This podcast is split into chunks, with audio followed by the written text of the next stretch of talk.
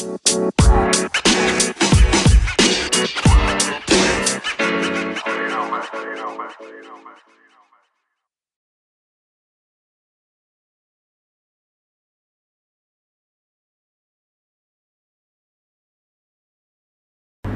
datang kembali di podcast Lerigo. Eh, sekarang Ana lagi ketemu dengan eh, Mas Mas atau Kak atau Abang Abang Jo. Ah, Abang Jamil, Kak Jamil Jo. Oke. Jadi kalau ini Kak Jamil Hmm. eh, sebagai apa biasa di teman-teman biasa meng, apa mengenal Kajam apa ya di kumpulan itu Kajamil biasa disebut dipanggil apa begitu Oh iya. Halo. eh, nah, iya. apa mau nyapa si peng- pendengar ini apa? Kamu Nah, itu punya- tidak ada bang Oh, belum ada. Oh, ya, nanti pikir. tidak ada Ya. ini masih kan YouTube ada YouTube YouTube halo guys Eh. itu anda coba cari kalau di pakem yang mau bagiin ini apa yang cocok ya maksudnya Ya mungkin itu nanti yang nanti bikin ini sendiri saja. Yang khas Gorontalo mungkin boleh ya. boleh itu podcast Iya. Dor- tapi orang bilang itu jadi jadi podcast orang Prancis karena ada DPL itu Oh. itu mungkin anak mau coba mau tanya Pak Tika aja kalau mungkin Iya nanti nanti mungkin habis ini bisa kita pikirkan. Tapi untuk sementara mungkin saya panggil dulu apa ya? Halo Uti dan Nou yang sementara mendengarkan uh, Podcast podcast Lerigo. Le- Lerigo ini. Ya perkenalkan terlebih dahulu nama saya Jamil Masa. Uh, sehari-hari sebetulnya saya adalah uh, pekerja di sebuah instansi pemerintah. Tapi selain itu juga saya punya dunia lain. Istilahnya uh, yang saya bangun sejak saya masih kuliah. hmm, Bahkan se- sebelum itu sejak SMP SMA saya suka dengan yang namanya tulis dunia tulis menulis. Jadi uh, uh, saya menulis puisi, saya menulis uh, prosa, cerita pendek, uh, kemudian juga menulis esai dan beberapa selama beberapa tahun pernah menjadi jurnalis. Jadi dunia tulis menulis itu paling dekat dengan hidup saya. Mungkin kalau ditanya yang paling banyak saya tulis dari antara beberapa jenis bentuk tulisan itu mungkin puisi yang paling banyak, paling sering. hmm. Uh, sampai hari ini pun uh, saya sudah tidak apa ini dapat yang rupa barabas kali ini. tidak tidak apa ini di sini eh, bebas sekali Oke, uh, jadi uh, karena namanya dunia tulis menulis tentu dia punya in output harus dalam bentuk tulisan ya. Tidak Hmm. mungkin tulis menulis baru. uh, itu nah, itu sudah dari SMP SMA ya SMP sudah mulai uh, tulis menulis. Semua diawali dengan kesenangan membaca dulu. Uh, jadi buku maksudnya buku waktu itu apa yang Oh, buku. iya buku maksudnya bacaan apa yang Oh bacaan. Waktu SMP itu saya suka membaca komik. Yang kedua suka baca novel anak-anak. oh tidak jadi tidak Wih beda sekalian orang ame. Gimana? Kalau orang kalau orang kan disodori dulu harus baca seperti ini biar kamu begini. Jadi Oh ya sekarang ya. iya kalau sekarang rata oh, gitu sih. Um, ya Kalau- dulu Kalau itu menurut Kak Jamil bagaimana? Tapi kasih mau saya relate dengan ya relate dengan, dengan dengan Kak Jamil punya. dulu sih apa ya? Mungkin pertama sudah terbawa karena orang tua dua-dua guru. Jadi eh, bawa pulang yang dia bawa pulang ke rumah ya rata-rata buku. Hmm. kalau mau mau ke sekolahnya papa atau mama eh, kalau misalnya orang tua masih sementara rapat guru otomatis tempat yang paling enak untuk jalan-jalan kalau bukan kantin perpustakaan Oh gitu ya. jadi begitu jadi mungkin sudah terbiasa dari kecil se- sudah punya kesukaan keinginan membaca jadi saya itu dulu waktu sebelum itu masih SD itu punya satu kebiasaan yang orang orang tua itu agak-agak aneh Eh, saya suka membaca buku-buku buku-buku apa namanya buku-buku pelajaran Hmm. tapi terutama pelajaran bahasa Indonesia Bahasa Indonesia. pelajaran bahasa Indonesia dan pelajaran IPA. Nah, bahasa Indonesia saya suka karena di situ dalam bahasa Indonesia itu ada contoh-contoh cerita. Kan biasa begitu ya. Eh, tugas ada tugas untuk eh, meng- menelaah cerita, cerpen atau kadang-kadang puisi. Kalau buku IPA saya suka karena ada cerita-cerita tentang alam. Buat saya itu apa namanya eh, seperti apa ya fantasi cerita cerita fantasi tapi real gitu. Dan ada ini ada rumus-rumusnya mungkin atau Eh, kalau rumus malah saya tidak suka. Oh, Yang saya suka suka. itu misalnya penggambaran bagaimana berarti bumi. kalau ini matematika suka? Tidak juga, tidak terlalu. Maksudnya ya kadang-kadang kalau ketemu rumus yang asik ya tenggelam di situ, tapi Eh. biasanya tidak terlalu. Kalau IPA itu saya suka misalnya pada pembahasan misalnya eh, bentuk bumi, bentuk langit, eh, Hmm. tata surya, itu itu pelajaran yang saya suka. Hmm. Kemudian kadang-kadang juga IPS saya suka karena di situ belajar tentang negara-negara, eh, bagaimana kebudayaan. Iya, Jadi iya. mungkin saya misalnya kelas kelas 1 atau kelas 2 SD, tapi bacaan saya itu yang saya suka itu kelas 3, 4 atau 5 gitu. Eh, kalau kalau boleh Anda bilang berarti Kak Jamil sudah menemukan eh, apa ya passion dari dari waktu itu. Ah, bisa dikatakan begitu, mulai tertarik dengan cerita-cerita, dongeng. Jadi kalau bertemu dengan buku-buku yang eh, menarik, yang menurut saya apa namanya eh, bisa membuka, istilahnya membuka wawasan, Hmm. me- menyuguhkan sama saya fakta-fakta yang asing, yang tidak tidak saya temui sehari-hari itu saya suka. Yang mungkin kontradiktif dengan saat itu. Eh, iya, mm, bisa saja lebih lebih bisa dikatakan anu apa, memberikan pengalaman baru, mem- memberikan pengetahuan baru. Misalnya buku apa namanya buku IPS yang saya sebut tadi, Eh, misalnya dia menceritakan tentang negara-negara Eropa, Hmm. Eh, bagaimana Inggris misalnya atau Belanda atau Prancis. Saya itu tertarik untuk me- membaca itu. Saya seperti bertualang gitu. Hmm. Walaupun saya tidak paham, paham jalan, saya orang ini apa ya? Pas kecil itu saya tuh tak kurung-kurung dalam rumah istilahnya. Tapi senang sekali berjalan-jalan lewat buku. Ah, mungkin dari dia kemungkinan besar itu eh, bukulah yang kemudian ke- kesukaan membaca itulah yang kemudian mendorong saya untuk jadi penulis. Hmm. Eh, saya berpikir ya kenapa tidak saya membuat cerita saya sendiri. Eh, kalau buku terakhir dari Kak Jamil yang karya terbarunya Ah, kemarin saya ada project dengan beberapa teman ah, di beberapa daerah di Indonesia. hmm. Eh, ada Mario Epelawi dari Kupang dan Irma Agrianti dari Lombok. Kemudian juga ada teman-teman dari Inggris, eh, dari beberapa Inggris tempat ya, Kak? dari Inggris. Itu sebenarnya ada program dari eh, kerjasama antara Komite Buku Nasional di bawah eh, Kementerian Pendidikan dengan British Council dan Makassar International Writers Festival.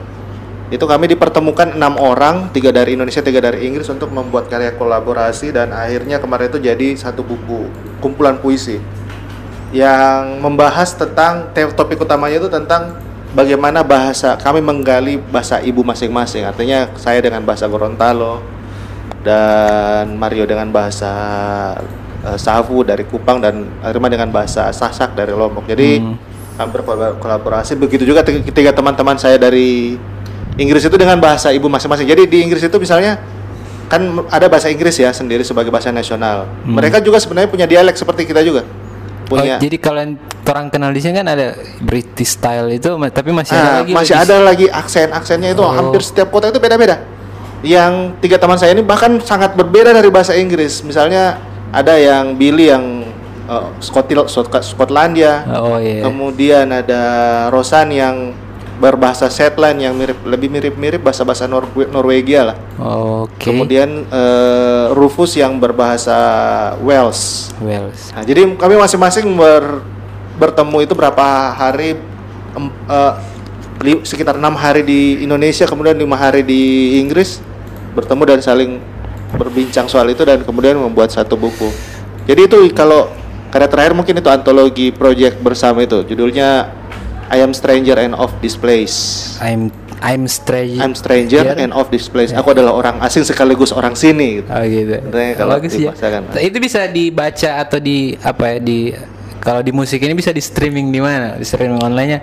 Oh Atau- kalau bukunya kalau, kemarin bu- kalau bukunya Iya, dalam bentuk di- buku. Dalam bentuk buku bisa didapat di Eh, kemarin di Ju- ah, kemarin kan ada festival namanya Festival Content Strong Language Festival. Mhm. Jadi buku itu dibuat untuk kepentingan festival itu. Jadi kemarin Oke. dicetak sama penerbit uh, Wrecking Ball Wrecking Ball Press di kota Hull Inggris Hmm. dan kemudian mereka displaynya di sana dijualnya di sana. It, distribusinya tidak sampai ke sini. Kalau ke Indonesia tidak ada, cuma dikasih ke kita masing-masing satu orang dapat sekian sekian sekian, Oh, jadi, jadi- tinggal kalian bagi saja silakan. Gitu. Cuman Ah. kalau uh, penjualnya di sana itu di Hmm. Inggris. Itu itu jadi ter- jadi karya terbaru. Karya terbaru bisa Itu dikatakan kalau karya bisa dibilang tahun 2019. 2019 ya. Eh, kalau ah, itu Kak, kalau ngomong tadi soal Inggris, ini agak sedikit mem- membelok. Hmm, Iya,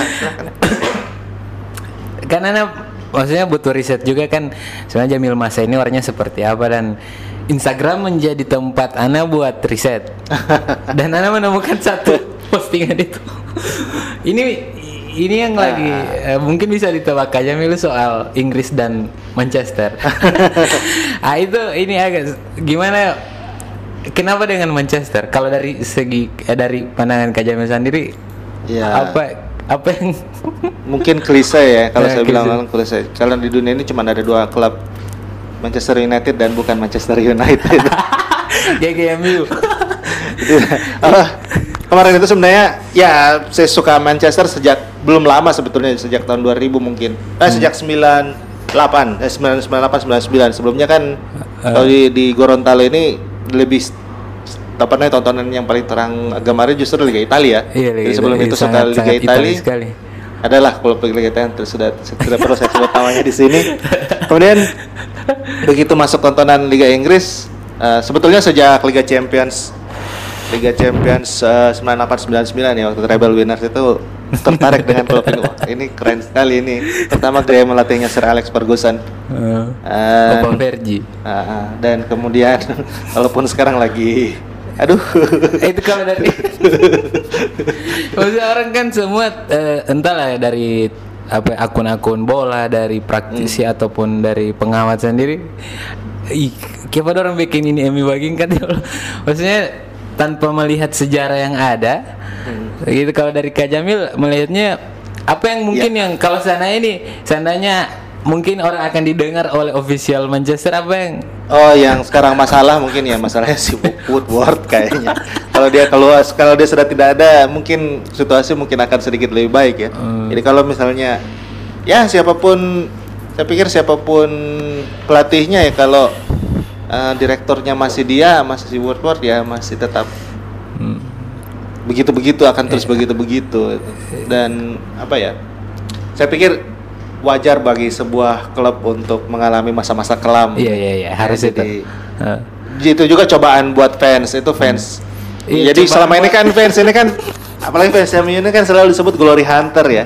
Dikatakan sebagai eh, fans yang fans fans karbitan gara-gara mereka bagus akhirnya ngefans. Nah ini ujian untuk betul betul betul. untuk para orang-orang yang disebut glory hunter. Ini benar-benar glory, glory hunter atau setia gitu Iya. ya saya kan memilih setia. Iya, iya, iya. walaupun ya ejekan kiri kanan itu lumayan bikin bikin sakit Kiri hati juga tapi seluruh, seluruh penjuru mata angin. Entah itu di apa. Ada juga mungkin pernah mungkin lalu pernah suka awal apa ya, main-main PlayStation. Hmm. di awal kan main, main MU jadi rata-rata mungkin ya kenapa ini tim se sebegini ada yang entahlah mau prihatin juga. Kalau anak sih basicnya di Spanyol. Oh, oke. Jadi kasihan juga ya di tidak ada yang akan meramaikan setan merah di kompetisi Eropa. Kalau kalau tapi kalau Opa Vergi, saya kalau Opa Vergi itu gimana ya bilangnya? Dia kan berkuasa kayak Soeharto ya. Iya, dia punya Ah, itu yang sekarang tidak ada di MU ya. Eh, pelatih berganti tapi eh, perannya disunat habis-habisan. Tidak seperti Opa Vergi yang punya kuasa untuk untuk mengatur sampai masalah transfer segala macam, eh, budget dan lain sebagainya. Hmm. Eh, dia juga orang yang istilahnya apa ya? Punya pengaruh sampai ke tim tim junior. Jadi apa namanya? Apa yang dia katakan itu seperti sabda. Jadi Hmm, Ada berarti filosofinya di situ, filosofi MU. ya mungkin yang MU yang tidak di- dimiliki MU sekarang itu adalah sosok seperti itu ya, sosok yang didengarkan oleh semua pihak. Bahkan sampai presiden, eh, chairman sekalipun mau mendengar. Hmm. Karena mungkin tidak tidak tidak terlalu. Jadi ya kita lihat saja sampai kapan ini berakhir. Tapi se- sejauh ini ya saya masih ngefans lah. Kayak kemarin itu kan belum mau murtad kita. belum. Mudah-mudahan tidak. Eh, kemarin itu ya sebenarnya tidak sengaja juga karena eh, jadwal di undangan di Inggris kemarin itu cuma lima hari. Terus saya pikir se- cuma empat hari, mah empat hari sebetulnya. Eh iya empat hari. Kemudian saya minta perpanjangan tambahan satu hari untuk sekedar jalan-jalan melewati kota Manchester. Ternyata dikabulkan sama pihak Hmm. uh, spons yang mensponsori keberangkatan saya. Jadi pas saya buka jadwal ternyata ber- bertepatan dengan big match MU versus Arsenal. Jadi sekalian sekalian beli tiket. Dan waktu itu MU posisi ya, posisi 11 waktu itu ya. Hampir menang. Sebenarnya kita menang Iya, iya. 1-0 itu. Cuman ya ada Iya, VAR begitu. yang mengacaukan itu. Tapi saya ketika sampai di Old Trafford merasakan atmosfernya masih saya tidak tahu bagaimana yang dikatakan Old Trafford pernah menjadi tempat yang seram itu, tapi waktu itu Hmm. saya merasakan eh, euforianya eh, benar-benar itu waktu sudah. itu duduknya di seat angle sebelah mana? Saya di seat apa istilahnya di stand di Sir Alex Ferguson Sir Alex Ferguson stand itu sebenarnya Sir Alex Ferguson stand itu ada dua ada dua tempat itu di satu sisi di pas di belakang gawang yang sebelah timur Oh. baru satu sisinya di sudut saya ambil yang di sudut karena ya itu yang itu yang tersedia jadi saya ambil Hmm. jadi tapi lumayan lah bisa melihat melihat eh, dari segala sisi. Sebenarnya eh, desain Old Trafford itu memang didesain untuk bisa bisa terlihat dari segala sisi. Jadi tidak perlu kamera besar untuk ini. Cuman memang agak posisi agak jauh kalau untuk mata-mata minus saya saya memang agak susah untuk Iya iya. iya. untuk ini. Eh, ini kak, oke, mungkin ntar tinggalkan dulu soal Ya. itu. Ini jadi podcastnya anak-anak bola itu. eh, Ana pingin tanya juga ke, ke Kak Jamil. Ana pernah dengar ataupun pernah bercerita dengan teman-teman yang yang mau yang ada sama mungkin yang menulis. Ya. Dorang eh, membuat menulis itu bukan hanya sekadar tulis atau ber apa ya, tapi dorang mendalami itu, mendalami menjadi dorang pe kayak tidak akan terlepas dari dari dari menulis. Dan sampai sampai waktu itu ada yang mungkin di, mungkin bagi Ana melihat dia itu. Tapi Ana belum tanya langsung ke dia juga, cuman Ana pe asumsi Mem- mungkin benar tidak kalau penulis-penulis itu dorang kepekaannya itu tinggi maksudnya apa-apa yang berhubungan atau ada yang melihat dorang kejanggalan dorang akan membuat ih kita akan tulis di luar dari jurnalis-jurnalis begitu mungkin Oke. eh, membuat ah kita akan tulis kita akan tulis jadi, jadi kalau menurut Kak Jam itu bagaimana Ya memang modal awal untuk jadi penulis adalah peka pertama. Kedua harus berani untuk mengambil sudut pandang yang berbeda. Artinya bukan asal beda apa, cuman berani melihat bahwa ada sudut pandang yang terlewati secara umum. Artinya misalnya kalau orang melihat satu peristiwa dari kacamata A, si penulis itu harus berani untuk mencoba mencari tahu adakah sudut pandang yang lain yang bisa digunakan untuk me- apa istilahnya me- men- melihat peristiwa ini. Jadi dengan kekayaan sudut pandang eh, biasanya tulisan pun akan lebih kaya. Eh, itu bisa saya katakan harusnya sebagai modal. Itu namanya itu modal. Eh, itu modal eh, untuk menjadi penulis harus harus harus punya kepekaan itu. Dan untuk mem- me- membuat diri ini peka atau punya banyak sudut pandang, hmm? itu harus modelnya harusnya me- membaca Hmm. membaca Kembali dulu. lagi ke ah, membaca kembali, kembali membaca. Membaca kemudian dengan membaca ya membaca pun tidak boleh asal lewat saja. Ini bacaan harus diresapi, direnungkan, Hmm. didiskusikan kalau perlu dengan teman-teman lain. Jadinya ketika kita punya banyak bacaan, kita juga punya banyak apa namanya? eh, banyak pengetahuan dan banyak banyak cara untuk melihat berbagai sudut pandang. Eh, terutama kalau misalnya kita nulis puisi misalnya biasanya kita nulis puisi kita dihadapkan oleh satu pemandangan atau satu realitas yang sama misalnya gunung misalnya kita dikasih realitas gunung kemudian gunung itu ya eh, gunung itu misalnya gersang atau atau apa namanya eh, gunung gersang atau sudah mengalami penggundulan dan sebagainya mungkin banyak orang akan melihat dari sisi itu tapi sebagai penulis ya kita cari sudut pandang lain gitu. Hmm. Kita kalau misalnya belum dapat belum ketemu sudut pandang lain mendingan tidak usah nulis. Hmm. Ah, kalau Jamil sendiri treatment membuat tulisan sampai mungkin iya sampai di buku itu bagaimana kira-kira ada ada cara tradisi sendiri mungkin atau bagaimana? Eh, sejauh ini yang buku yang saya tulis sendiri yang kalau tadi itu karya kolaborasi kan. Kalau yang saya tulis sendiri kebanyakan dia sifatnya antologi. Jadi kumpulan dari beberapa tulisan yang berbeda. Misalnya eh, saya bikin kumpulan puisi. Jadi satu puisi eh, satu buku tapi ada beberapa banyak puisi. Hmm. Kemudian kumpulan cerpen satu buku ada sekitar eh, 15 sampai 20 eh, 21 cerpen kemarin. Eh, jadi menulisnya itu memang tidak mungkin masih kelemahan saya dalam menu, saya masih lemah dalam menulis eh, tulisan-tulisan yang bernafas panjang. Artinya yang punya ke kontinuitas seperti novel misalnya itu masih masih jadi PR buat saya walaupun saya memang punya niat dan sedang punya draft untuk saya Eh, anak garis bawah itu itu soal bernapas panjang itu Maksudnya tulisannya yang tulisan panjang yang atau ah, tulisannya yang panjang yang punya kontinuitas. Oh. Kadang-kadang walaupun kita menulis novel, kadang-kadang saya membaca beberapa novel, walaupun dia novel tapi kelihatan tidak kontinu, tidak ada yang ada ter- keterputusan Iya, di situ. Itu maksud saya tulisannya bentuknya aja yang panjang tapi nafasnya pendek gitu. Oke. Nafasnya Jadi menggap-menggap. kayak macam terang buka dari mungkin dari sampul awal dari mungkin kali ini istilah bab satu bab atau Iya. begitu dia sampai di Dia akhir. punya kontinuitas secara topik terutama kemudian permasalahan, uh, plotting dan lain sebagainya itu ada kontinuitas. Beberapa yang saya temukan novel kadang-kadang tidak selesai atau Hmm. uh, patah di tengah-tengah, kemudian ya secara penampakan terlihat panjang, bukunya Nah. tebal tapi tidak punya kontinuitas buat apa gitu. Nah, te- eh, itu ini anak bisa bilang anak pembaca juga pemanggil air Oke. dengan pembangkangan nomor 8. Delapan. Ya, kalau ini bisa cerita kalau pem- eh, pemanggil air eh, dari diracun oleh Karlan.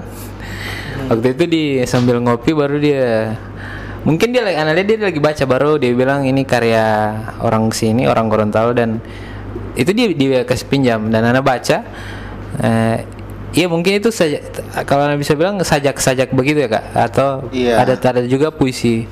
Jadi- dan itu ini buat buat testimoni langsung ke penulisnya mungkin kak. Ah. Ini bukan kopral juga tapi Ana merasakan dekat mungkin itu. Dekat dengan apa yang eh ada kata Danau Limbotonya ada ada nama-nama di Gorontalo dan Ana rasa kayak memori Ana itu Ana mau coba masuk ke si misalnya kalau Ana membaca sebuah buku atau apa pun buku itu Ana ingin coba masuk ke si penulis ini bagaimana dia menggali atau dapat inspirasinya atau bagaimana. Nah itu kalau si dari si segi penulis sendiri Kak Jamil ingin mencari itu sampai ke pembaca yang kita mau masuk sampai bukan cuman tulisan yang hanya dibaca atau apa bagaimana? Iya, eh, kalau bicara eh, buku pemanggil air itu sebetulnya dia buku yang dia dalam ini dalam apa namanya istilahnya eh, timeline kepenulisan itu dia harusnya dia menjadi buku pertama, tapi realitasnya dia jadi buku kedua. Hmm. Setelah yang pertama saya Bara Tebu. Kenapa saya bilang harusnya dia yang pertama? Karena itu adalah puisi-puisi awal. Eh, saya serius menulis puisi itu jadinya itu buku puisi itu saya apa namanya pemanggil air itu. Jadi kalau membaca di situ ya masih masih belum matang betul-betul kalau saya bilang eh, puisi-puisinya masih sangat sangat remaja, masih sangat banyak banyak banyak banyak galaunya. Eh, kalau di Amerika is- diistilahkan sebagai puisi konfesional, puisi-puisi pengakuan. Kalau maaf kak, kalau di di pemanggil air kalau tidak salah ada yang sementara di bandara itu ya? Tidak usah bilang di sini. oh spoiler ya. itu, itu spoiler. ada juga di buku spoiler ya. iya, ya banyak kebanyakan dari buku itu adalah adalah real event, jadi betul-betul kejadian, Eh, betul-betul kejadian. Cuman anak asik maksudnya di sampai di bandara pak. Oke, ada jadi kayak itu kalau mau cerita DP di balik itu Ah, iya, behind iya. the scene itu nyesek gitu. Nah, bagaimana kamu jatuh cinta pada orang yang tadi lagi songkawin? Iya iya iya. Oh, iya. oh, oh, itu luka berarti. Kasihan.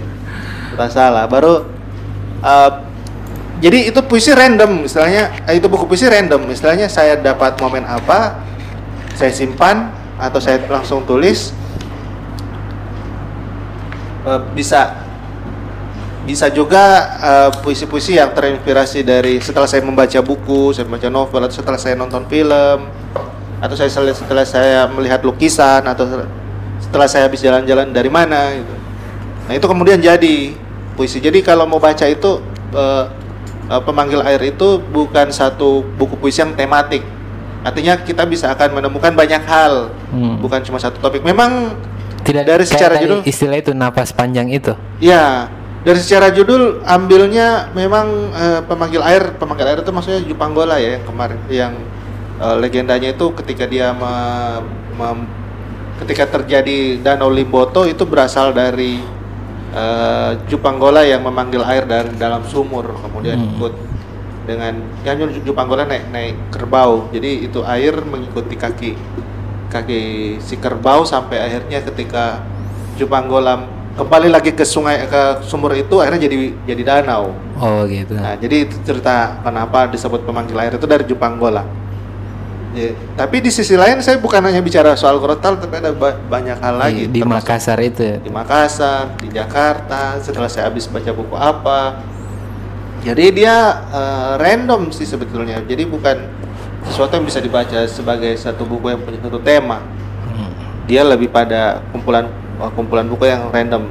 Ya mirip-mirip misalnya kalau kita punya kalau musisi bikin album Hmm. topiknya bisa beda-beda walaupun misalnya ciri eh, eksperimen musiknya mungkin hampir sama atau punya satu tema tapi secara secara tematik memang tidak ada termasuk juga di buku cerita kumpulan cerita pendek yang pembangkangan juga itu pun modelnya seperti itu Hmm. nah setelah pasca pembangkangan di meja no- nomor 8 saya mulai berpikir untuk membuat sebuah eh, baik itu kumpulan cerpen atau kumpulan puisi ataupun novel tapi punya tema Hmm. yang benar-benar. Jadi sekarang kalau dulu saya menulis itu ya nulis saja, nulis saja, nulis saja, nulis Hmm. saja, nanti terkumpul. Kalau sekarang tidak, dari sekarang saya sudah tentukan saya akan membuat tema tentang ini. Hmm. Jadi kalau saya buat puisi, saya menemukan pengalaman, misalnya pengalaman bertemu eh, Rigo seperti ini ya. Kemudian besok saya akan membuat puisi. Saya harus tetap menghubungkannya dengan tema besar yang sudah saya buat. Hmm. Jadi walaupun nanti ketika sampai di buku eh, momennya beda-beda, momen pencetus inspirasinya beda-beda, tapi temanya akan tetap lari ke hal yang sama. Jadi kalau kayak ini kemasannya masih seputaran itu, masih apa ya dibilang? Feelnya mungkin ya. Masih oh dia kayak kalau ada nah, eh, juga kan biasanya suka nonton stand up up komedi. Ah. ada suka dengan treatment komedi yang callback? Ya, ya, jadi ya. jadi mungkin ada nanti ada callbacknya di mana Ya, kalau dalam dalam istilah apa namanya penulisan atau dalam istilah sastraan itu istilahnya eh, eh, frame story.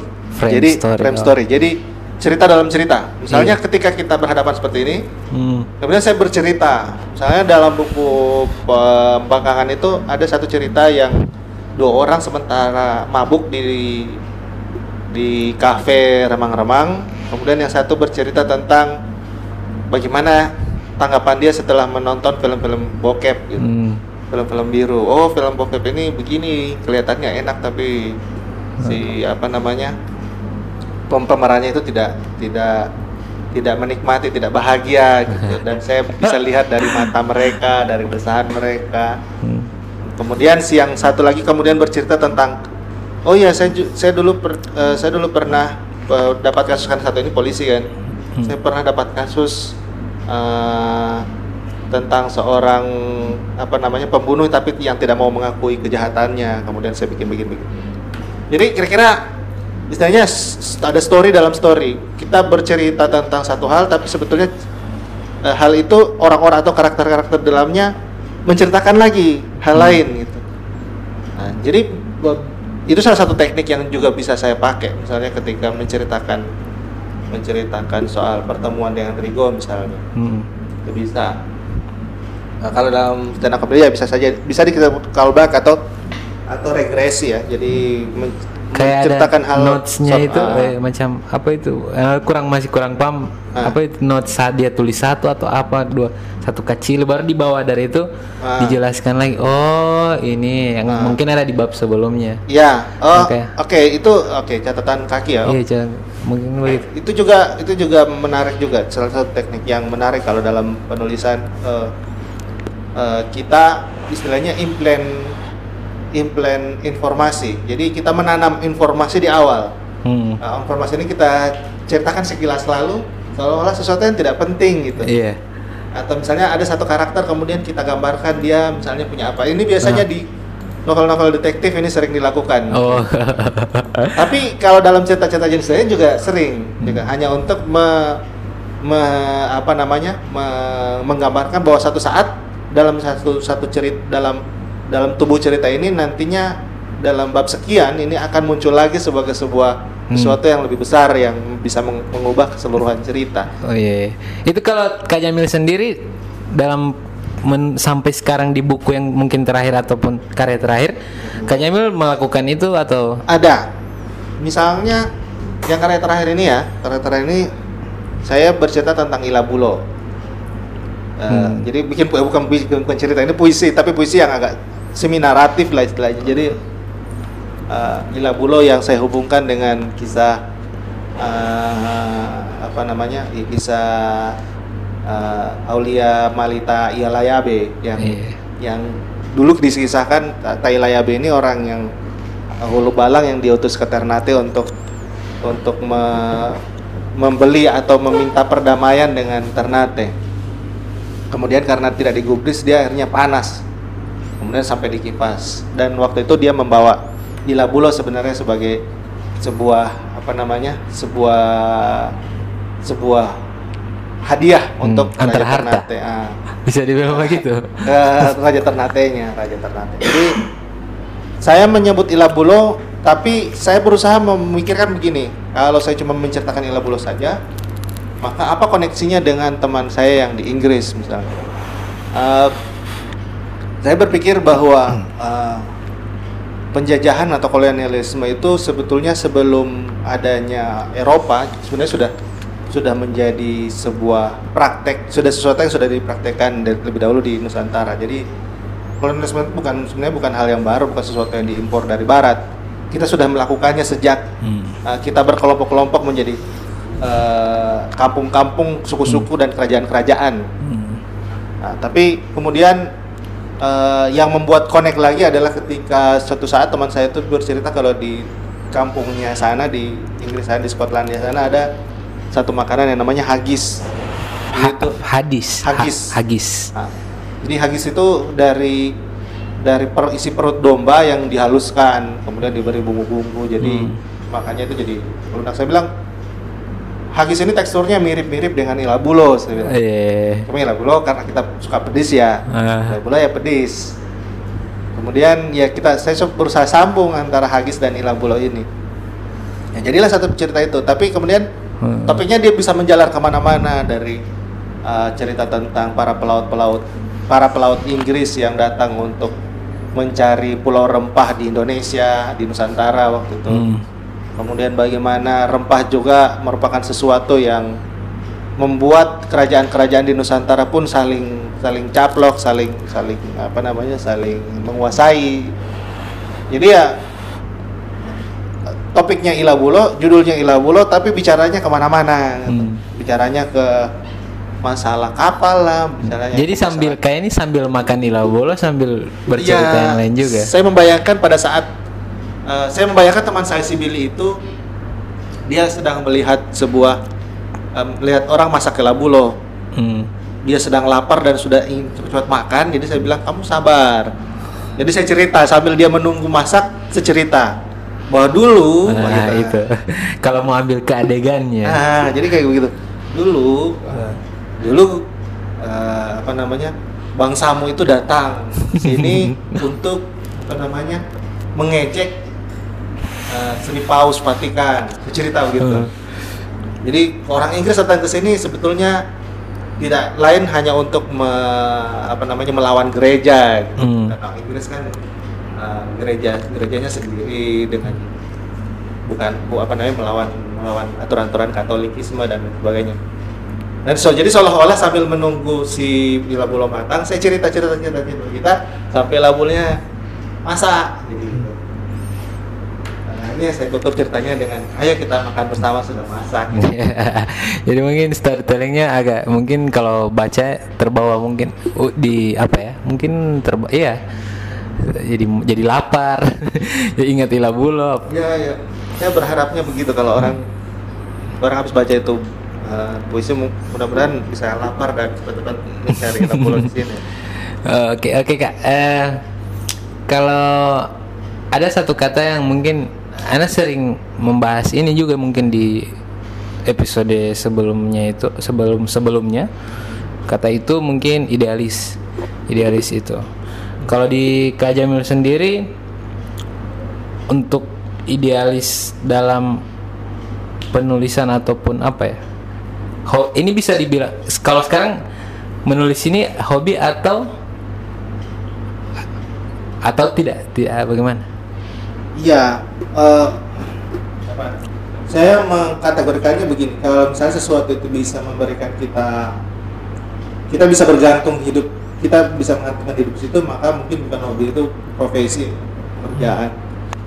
Tapi selama itu belum bisa menghidupi kita dan menghidupi keluarga, mungkin kategorinya masih hobi. Cuman hobi yang sangat diseriusi, Iya. bahkan lebih diseriusi daripada pekerjaan itu sendiri Eh, mungkin posisi menulis itu sekarang sama saya masih begitu masih hobi karena belum benar-benar bisa membuat saya hidup saya Hmm. bisa saya jadikan mata pencarian betul betul jadi masih ya karena dia hobi maka tidak ada tidak ada target yang muluk-muluk ya Hmm. kalau misalnya saya ingin ya saya lakukan kalau tidak ya tidak usah Hmm. jadi masih seperti itu cuma alhamdulillah walaupun dia hobi tapi lumayan Iya. dalam beberapa hal ya bisa Hmm. bikin membuat saya bisa sedikit banyak punya banyak teman dan mendapatkan sedikit penghasilan dan penghasilan itu, tambahan. it- itu bisa dibilang idealis Kak Jamil s- sendiri maksudnya jadi termasuk idealis berkarya? Atau? Eh, misal saya punya keinginan sebetulnya untuk bisa benar-benar hidup dari situ, tapi melihat kondisi sekarang, eh, kondisi sekarang dunia perbukuan di Indonesia ini masih nomor ke 100 sekian, bukan menjadi nomor satu. Jadi untuk hidup di menulis sebenarnya tidak mustahil, cuma tidak banyak orang yang benar-benar bisa beruntung bisa mendapatkan privilege itu. Hmm. Uh, untuk masuk ke situ ada beberapa jalan dan saya pikir semuanya belum bisa saya jalani. Misalkan bagaimana bisa terkenal dulu di Twitter. Kadang-kadang karena pernah saya bertemu penerbit, saya tawarin naskah dan dia bilang kamu sudah berapa follower di Twitter? Gitu. kembali ke marketing Ya kembali ke marketing. Jadi ya ini dunia yang masih saya jalani ya sesantai-santai mungkin lah. Eh, Tapi kalau misalnya ada satu jalan, saya tidak tahu mungkin tahun dua tahun ke depan saya beruntung menemukan satu jalan, mungkin pekerjaan yang saya jalani sekarang akan saya tinggalkan dan saya akan ke fokus ke dunia tulis menulis. Cuman sampai saat itu saya belum saya belum bisa melakukan. jadi itu masih jadi rahasia juga Masih rahasia, Rahasia Tuhan, depan, rahasia ilahi. Kapan? dicapai. kalau kalau untuk tokoh sendiri ada kira-kira dari Kak Jamil yang menginspirasi sampai hingga hari ini Oh iya, kalau dalam dunia tulis menulis saya mungkin terinspirasi dari Franz Kafka. Franz? Franz Kafka. Kafka. Dia penulis Austria tapi sudah mati, sudah. Dia dia eh, terkenal itu pada masa hidupnya dia sebetulnya tidak ter- tidak begitu terkenal. Dia baru terkenal setelah dia mati gitu. Jadi dia mati di karya-karyanya masih tersimpan dan dia minta kepada temannya untuk karya-karya tersebut dibakar. Untungnya temannya itu tidak melakukan itu, tapi dia mempublish dan akhirnya Franz Kafka bisa terkenal sampai sekarang. Kalau di dunia puisi mungkin saya banyak menyukai puisi-puisi itu ber, ber- apa namanya berganti-ganti ya. Satu saat saya suka misalnya apa penyair Chile namanya Pablo Neruda, kemudian Pablo Neruda Kemudian satu saat saya tidak terlalu suka lagi Neruda, saya suka eh, Borges, saya Jose Luis Borges, dan Jorge Luis Borges. Kemudian sekarang belakangan saya lebih suka penyair uh, Swedia namanya Thomas Transromer atau penyair uh, Karibia namanya Derek Walcott. Kalau Indonesia mungkin saya suka dengan karya-karyanya Sapardi Djoko Namono atau uh, uh, Gunawan Muhammad. Atau kalau yang kontemporer yang masih hidup mungkin saya suka penyair penyair uh, Joko Pinurbo atau atau uh, penyair Niki Sulistyo yang di Nusa Tenggara Barat. Hmm. Nah, kalau ada iya kalau ada pengen waktu Joko Pinurbo itu itu waktu itu lagi coba baca punyanya Kak Jamil itu apa pengem- pemanggil air. Jadi waktu itu lagi jadi kayak apa ya? Kalau habis baca ini, baca ini poli, baca ini poli Hmm. dan mungkinan perspektif Ana merasa eh, agak-agak sama dan mungkin mungkin maksud maksudnya itu bukan mengkomparasi juga tapi Hmm. kan secara tidak langsung jadi terbanding begitu kan Iya iya. jadi yang pikir eh, gayanya mungkin agak-agak sama mungkin ataupun ada yang beberapa karena ada kayak jaga relate relate begitu Iya. jadi kayak sebuah kebetulan yang bagus jadi enak juga maksudnya baca eh, punyanya Joko Pinurbo baca juga punyanya kayak Jamil yang memanggil air itu Iya memang tidak bisa dihindari kalau misalnya orang baru awal-awal menulis dia akan mencoba-coba banyak gaya. Yang pasti dia akan coba adalah karya yang sudah pernah dia baca. Hmm. Saya habis baca Gunawan, ah Gunawan bikin begini begini begini. Saya coba ah, walaupun saya coba samarkan supaya tidak kentara benar ya. Hmm. Atau setelah membaca Mas Jokpin, coba deh coba ikut tekniknya walaupun sedikit. Nah, itu tidak akan bisa apa namanya? Keterpengaruhan itu sesuatu yang tidak tidak bisa dihindari. Hmm. Bukan sulit dihindari, tidak bisa dihindari. tidak bisa di Kecuali kalau misalnya kita muncul tidak dengan membaca siapa-siapa gitu. Nah. Itu pun masih bisa, masih mungkin, masih mungkin eh, karya tersebut akan akan ikut atau akan akan terlihat mirip dengan karya lain karena banyak kan men- menulis dunia tulis menulis ini sudah ada sejak 2000 tahun sebelum Masehi. iya iya Bayangkan ada berapa mungkin sudah miliar karya tulis yang yang yang yang ada di dunia ini tidak mungkin kalau kita nulis tidak akan sama dengan salah satu di antara itu. iya iya Ini pasti ke- keterpengaruhan atau tradisi eh, apa namanya eh, perspektif yang sama itu mungkin sesuatu yang sudah tidak, bisa dihindari, sesuatu yang akan muncul dengan sendirinya. Nah, yang akan berbeda kalau menurut saya adalah berbeda adalah situasinya. Artinya begini, eh, ketika Mas Jokpin misalnya menulis tema yang sama dengan saya, saya menulis tentang saya apa ya eh, cerita eh, cerpen- eh, puisinya Mas Jokpin yang cukup terkenal misalnya cer- puisi-puisi tentang hujan misalnya atau puisi-puisi tentang celana misalnya. Hmm. Saya juga mungkin mencoba menulis tentang celana, tapi situasi celana yang dihadapi Mas Jokpin tentu berbeda. iya Situasi istilahnya situasi eh, situasi personal, situasi yang sifatnya pribadi. Ini yang menurut saya menjadi kekuatan masing-masing orang. Setiap individu itu punya pengalaman personal yang berbeda-beda. Makanya sebetulnya yang dim- yang harus dimulai ketika mau menulis tentang sesuatu itu adalah melawan melawan inferioritas personal itu. Artinya kadang-kadang kita takut menulis tentang Gorontalo karena ah apa ini orang suka tentang Gorontalo itu ya. ya. Oh, terbesit begitu Ah, karena kita berpikir karena kita hari-hari dengan Gorontalo, kita apa namanya hari-hari melihat Danau Limboto, jadi apa yang spesial dari Danau Limboto? Hmm. Orang sehari-hari dapat lihat, orang sehari-hari lewat situ. Hmm. Jangan lupa bahwa apa yang kamu lihat belum tentu di- dilihat oleh sama orang lain. Hmm. Apa yang kamu saksikan, apa cerita apa yang kamu dengar belum tentu didengar oleh orang lain. Apalagi jika itu ditambahi dengan eh, pengalaman personalmu. Makanya saya agak kasihan kalau penulis-penulis baru sekarang itu misalnya dia orang Gorontalo atau misalnya orang Batu Daa atau misalnya orang Padebuholo. Tapi dia malu menulis tentang Padebuholo atau Batu Daa, dia menulis tentang satu tempat di Jakarta atau menulis satu tempat di Bali atau bahkan satu tempat menulis tentang Turki, menulis tentang ini kan sering kita alami ya Iya. membaca penulis-penulis Indonesia ini bukan sesuatu yang haram, bukan, bukan. Saya bukan mengharamkan itu. Cuma kamu orang Indonesia nulis tentang Turki atau tul- nulis tentang eh, Prancis atau Inggris atau Amerika. Tapi yang kamu yang kamu punya yang sesuatu sesuatu yang dekat dengan kamu kamu abaikan. Kamu menganggap ah itu tidak sesuatu yang tidak menarik sesuatu yang tidak penting. Belum tentu. Itu bisa saja ketika kamu membuat sesuatu atau membuat tulisan atau entahlah karya lain saya film atau apa tapi kamu berusaha berfokus dan berusaha memberikan nilai-nilai personal di situ yang orang lain mungkin tidak pernah mengalami itu akan jadi menarik buat orang lain Hmm, Oke baik, sangat eh, gimana? ya?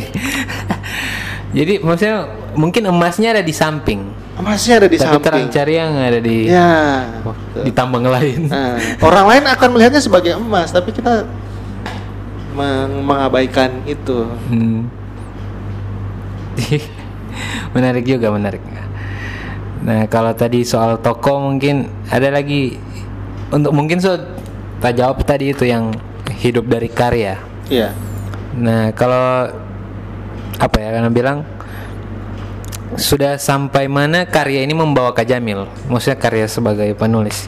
Di maksudnya di sudah komplit kah ini? Belum. Atau Saya belum berasa sebagai apa-apa asli. maksudnya ada ini kan sama dengan kayak pertanyaan-pertanyaan di sem- di mana pun eh, nextnya Ah, bagaimana? Iya, saat ini ya ada proyek pribadi yang saya sedang garap. Eh, itu tadi saya eh, punya draft eh, kumpulan puisi, tapi saya berusaha membuat tema gitu. Jadi semua puisi yang saya tulis itu akan akan akan ada kaitannya dengan tema itu, ada irisannya dengan tema itu. Eh, kemudian juga saya punya kumpulan cerpen. Jadi beberapa setahun belakangan ini saya jarang lagi menulis cerita pendek yang kalau kita membaca cerpen itu kita selalu terpatok bahwa cerita pendek itu itu misalnya 1000 sampai 2000 karakter gitu. Hmm. Eh, sesuai dengan halaman halaman koran gitu. Padahal yang namanya cerita pendek itu bisa sampai 10, 11 sampai 12 halaman ke atas. Itu masih dalam kategori cerita pendek. 10 sampai berapa? Sampai 12 sampai 15 bahkan 20 halaman itu masih kategori cerita pendek. Jadi saya eh, belakangan ini lebih apa ya? le- lebih suka menulis cerita-cerita yang agak panjang seperti itu, cerita pendek yang agak panjang. Hmm. Cerpen Yang yang- pas panjang itu. Ah, cerpen yang sedikit apa ya? Karena belakangan saya suka misalnya membaca cerita-cerita pendek yang dibuat zaman dulu. Saya eh, Franz Kafka tadi atau eh, cerita-cerita pendeknya Milan Kundera, cerita pendeknya eh, apa namanya? penulis-penulis Rusia kayak Tolstoy dan lain sebagainya. Kalau baca cerita cerita-cerita pendek mereka kita akan susah menemukan cerita pendek yang cuma pendek cuma beberapa halaman. Cerita pendeknya pasti panjang dan itu bakalan ngelantur bukan ngelantur sih. Eh, dia akan menceritakan banyak hal sampai itu dia menjadi lebih panjang. Hmm. Nah, saya lebih suka bercerita seperti itu. Jadi saya bercerita seperti tanpa hambatan, saya tanpa ter, ter- tanpa mengingat apa namanya tanpa mengingat ruang. Hmm. Jadi bercerita, bercerita, bercerita, bercerita, bercerita sampai saya selesai, selesai gitu. Akhirnya efek sampingnya adalah cerpen-cerpen saya pun sudah sek- sekarang sudah tidak tidak ada yang di bawah 10 halaman. Rata-rata di atas 10 10 halaman. Nah, masalahnya saya mau publikasi cerpen seperti itu eh, di koran-koran di Indonesia itu tidak atau di majalah itu tidak ada yang mau yang mau Menerbitkan menerbitkan cerpen seperti itu terlalu panjang untuk kolom ruang mereka. Jadi saya pikir ya sudah kalau begitu saya simpan saja ini nanti saya bukukan. Jadi kumpulan cerita pendek yang agak panjang. itu cerita pendek. Kemudian novel, cuman sayangnya novel saya harus banyak riset jadi dan itu yang masih sulit saya lakukan karena masih terikat dengan pekerjaan jadi belum bisa Hmm, Jadi eh, bagi waktunya itu iya. masih. Karena saya merasa perlu untuk datang ke tempat-tempat yang akan saya ceritakan karena beberapa tempat misalnya saya bikin saya itu punya bayangan membuat novel yang settingnya di Sangir Hmm. eh, ya di beberapa tempat Ini di ini masih kepulauan masih gitu.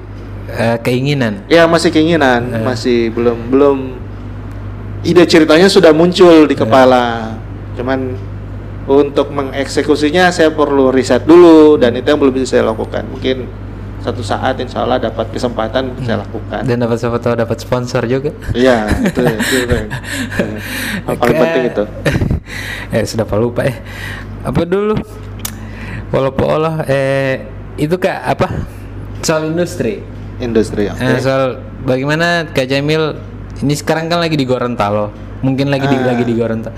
Melihat apa ya? Industri yang ada di kota ini, di kota kita ini kira-kira dari untuk hobi apa? Profesi hobi tadi. Perbukuan ya? Iya, untuk perbukuan. Itu bagaimana? Sebetulnya potensi setiap kota itu ada karena sekarang kita sudah zaman kita ini sudah memasuki 4.0. Jadi segalanya itu digital. Kalau ini benar-benar di dimanfaatkan dengan baik, dioptimalkan, kita tidak perlu harus stay di Jakarta atau di Jawa atau Jogja, pusat-pusat perbukuan sana untuk berhasil. Beberapa teman saya cukup berhasil ketika dia menulis dari daerahnya mungkin teman-teman teringat saya Aan Mansur di yang di yang penyair yang di yang apa namanya karya-karyanya cukup terkenal sampai sampai masuk dalam Dalam film. ada apa dengan cinta bahkan sekarang digandeng Noah untuk bikin lirik Asik, untuk lagu asik. mereka dia ya tetap apa namanya tetap eh, tetap eh, konsisten untuk menulis dari kotanya dari Makassar. Dan mungkin teman-teman pernah tahu teman-teman tahu apa penulis yang namanya Boy Chandra dia menulis di Padang tapi namanya cukup cukup besar juga di tempat lain. Eh, jadi sebetulnya untuk dari segi penulis sendiri sebetulnya eh, ketika dia mampu memanfaatkan media sosial dengan baik dia tidak perlu ke mana-mana dia cukup menulis dari tempat tempatnya dia tapi yang memang agak agak apa namanya agak timpang itu adalah persoalan distribusi buku dan percetakan penerbitan kenapa saya bilang masih timpang karena Kalau untuk Kak Jamil sendiri karya-karya itu dicetak dan di, di- maksudnya diproduksi di sini atau di Oh, tidak itu itu penerbit penerbit penerbit Jogja yang menerbitkan karya-karya saya. Oh gitu. Nah, itulah masalahnya kalau misalnya ada penerbit Gorontalo, saya kemudian berpikir lagi itu. Kalau yang yang terbitkan di sini kemudian bagaimana pemasarannya? Itu tuh menjadi eh, apa namanya? Kadang-kadang menjadi pertimbangan kenapa kenapa saya harus ambil penerbit di luar. Tapi kalau misalnya kita bis- bisa memanfaatkan jaringan dengan baik ya kan sebenarnya kenapa tidak sih? Bisa kita lakukan itu. Eh, yang paling penting juga memilih segmentasi karena kadang-kadang kita tidak bisa memaksakan diri untuk ya kita sudah punya gaya penulisan seperti ini berapa orang yang akan membaca Iya iya. iya. model tulisan seperti ini sih gitu Hmm. jadi itu kadang-kadang terpikir juga Di jadi situ mungkin kata idealis bermain ya. Iya, eh, ya kadang-kadang tergoda juga untuk menulis seperti apa yang teman-teman penulis-penulis terkenal lakukan sekarang. Cuman ya apa ya? Saya belum bisa saja. saya belum bisa mengikuti gaya seperti itu. Jadi Hmm. saya pikir ya saya ka- karena saya menganggap ini sebagai sesuatu yang tidak perlu saya paksakan ya saya menulis saja sesuai dengan apa yang saya mau. Nah, cuman saya pikir walaupun seperti itu saya tetap melihat ada peluang. Misalnya begini, oke di di segmentasi A saya tidak akan berhasil, tapi saya mungkin bisa berhasil di segmentasi B atau C atau D dan seterusnya. Untuk segi istilahnya sekarang kalau kalau kita bicara karya apa pun ya, eh, Hmm. film, lagu, eh, eh, buku, itu kita akan bicara ada dua macam.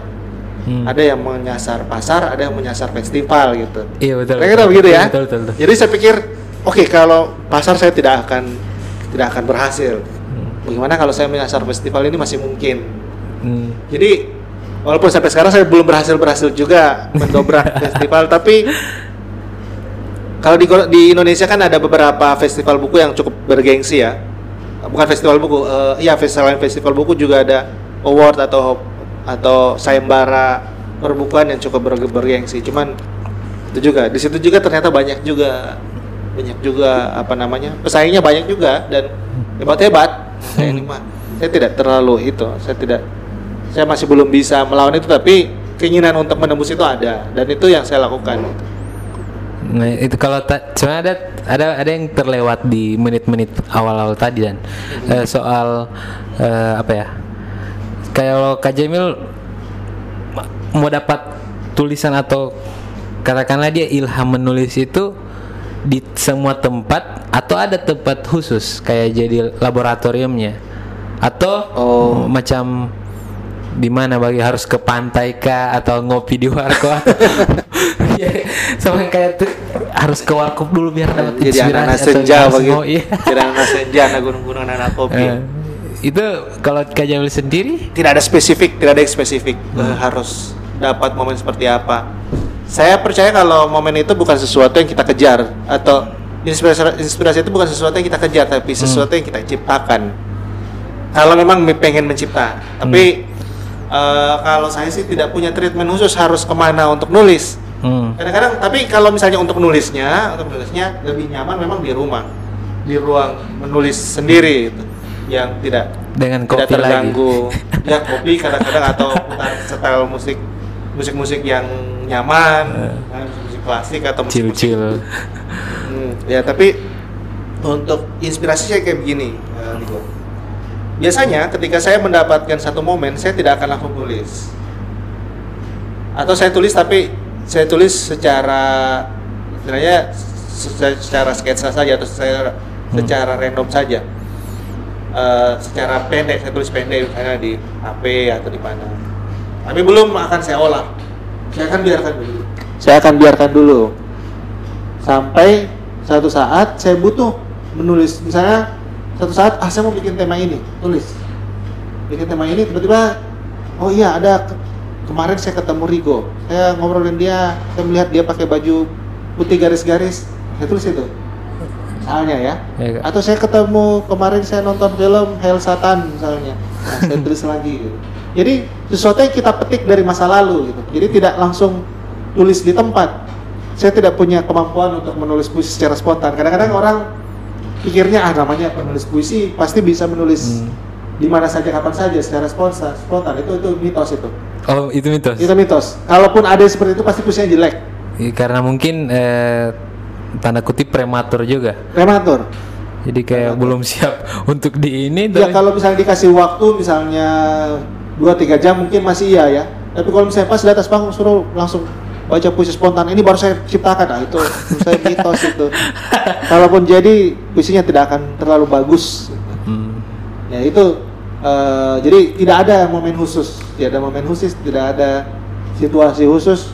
Begitu saya ingin menuliskan satu tema, momen-momen itu akan saya panggil kembali untuk Hmm. saya eh, apa namanya ikut untuk untuk saya libatkan dalam puisi saya. gitu. Hmm. Maksudnya mungkin dengan tadi buka catatan-catatan itu Iya, seperti misalnya ini masih masih lama ya. sedikit lagi kak Misalnya saya pernah begini Rigo, saya bawa motor itu berpapasan dengan bapak-bapak, bukan berpapasan, dia di depan saya. Bawa motor ber, di belakangnya ada tulisan. Terus di jaketnya itu ada tulisan setetes manis sejuta harapan. Sebenarnya- sama yang di track ini Nah, ini masalahnya kalau di track masih maklum saya. Cuman ini baju ini jaket ini jaket jaket apa namanya jaket olahraga eh, Oke. instansi pemerintah. Jadi saya pikir instansi pemerintah mana yang punya Eh, slogan seperti iya, ini? iya iya iya betul betul betul Akhirnya saya kejar terus ini bapak, saya kejar terus sampai atau mungkin tadi pla- eh, track yang plat merah bukan track, itu bukan track. Eh maksudnya kalau ada ada pun kalau sama Oh, iya, konteksnya mungkin di kata di track tapi ini plat ya, merah. mungkin. Tapi ini jaket ya, jaket olahraga. Coba bayangkan jaket olahraga dipakai PNS PNS tiap Eh. tiap Jumat. Iya. Ah itu jaketnya seperti itu. Dan ada tulisan di belakang setetes manis sejuta harapan. Nah, ini bapak dari dari instansi mana ini? Saya kejar terus ini. Coba curi-curi. Oh ternyata dia dari balai inseminasi buatan. Oh. Mana yang dia maksud itu Oh, kan iya, iya, yang sapi. Iya iya iya. Akhirnya saya pikir, ah, ini lucu juga ya. Saya tulis ada pengalaman. Kemudian muncul tiba-tiba ada pengalaman lain. Saya menonton film film apa. Kemudian Hmm. saya pernah bertengkar dengan istri saya gara-gara Hmm. apa gitu. Ini kemudian nyata nyata nyata nyata akhirnya jadi jadi cerita. Hmm. Saya teringat misalnya dulu ada orang kalau kalau banting sapi banting sapi itu biasanya ada dia paling kamar orang yang ya, orang yang jago banting sapi. Saya orang yang tahu langkah atau Hmm. apa. itu saya uh, kumpulkan semua ini jadi satu cerita Oh gitu. Jadi- Jadi, lebih unik. Jadi mungkin DP proses meng- menggali itu lebih unik dari dan gemes ya kalau Iya, bisa dibayangkan. kalau misalnya kalau mau baca juga. Kadang-kadang kalian kalau kadang-kadang ada teman yang pernah komplain bilang ini kalau baca karya-karyamu ini saya tidak tahu ujungnya di mana pangkalnya di mana pangkalnya di mana ujungnya di mana. Kamu bicara soal soal ketemu bapak-bapak kemudian eh, berakhir dengan pelecehan seksual misalnya. Ini gimana atau kamu bicara soal eh, pembunuhan kemudian akhirnya berakhir di eh, Meja nasi- nomor 8. Eh, kalau meja nomor 8 lain lagi ceritanya ah, meja nomor 8 juga meja nomor 8 itu oh iya meja nomor 8 itu meja nomor 8 itu ya gara-gara saya makan makan malam sama istri saya di di mall kemudian dia saya pesan banyak makanan terus dia pelotot ke saya Hmm. Dia bilang, "Kamu Hmm. banyak sekali nih makanan yang dipesan mau habis atau tidak Iya. jadi saya ya ber berimajinasi bahwa Eh, kalau kalau yang artwork itu kalau boleh tahu itu siapa kak? Yang artwork semua buku-buku kak, kak Jamil punya? Yang Siapa? bikin oh bikin artworknya yang oh iya itu juga masalah yang Itu tuh kadang-kadang- mungkin ada peristiwa yang harus kak itu tidak sebetulnya Eh, itu penerbit yang penerbit yang urus bahkan saya baru dikasih tahu tentang apa namanya cover itu nanti menjelang bukunya terbit jadi Hmm. saya tidak terlibat dalam pembuatan cover Jadi kak Jamil tinggal terima langsung Iya. approve. kalau itu si cover yang buat eh, suku tangan jadi ada dua orang namanya G- GMP dan eh ya GMP dan Dara dan mereka punya satu satu kelompok apa namanya desainer namanya suku tangan cuma mereka berdua sih Hmm.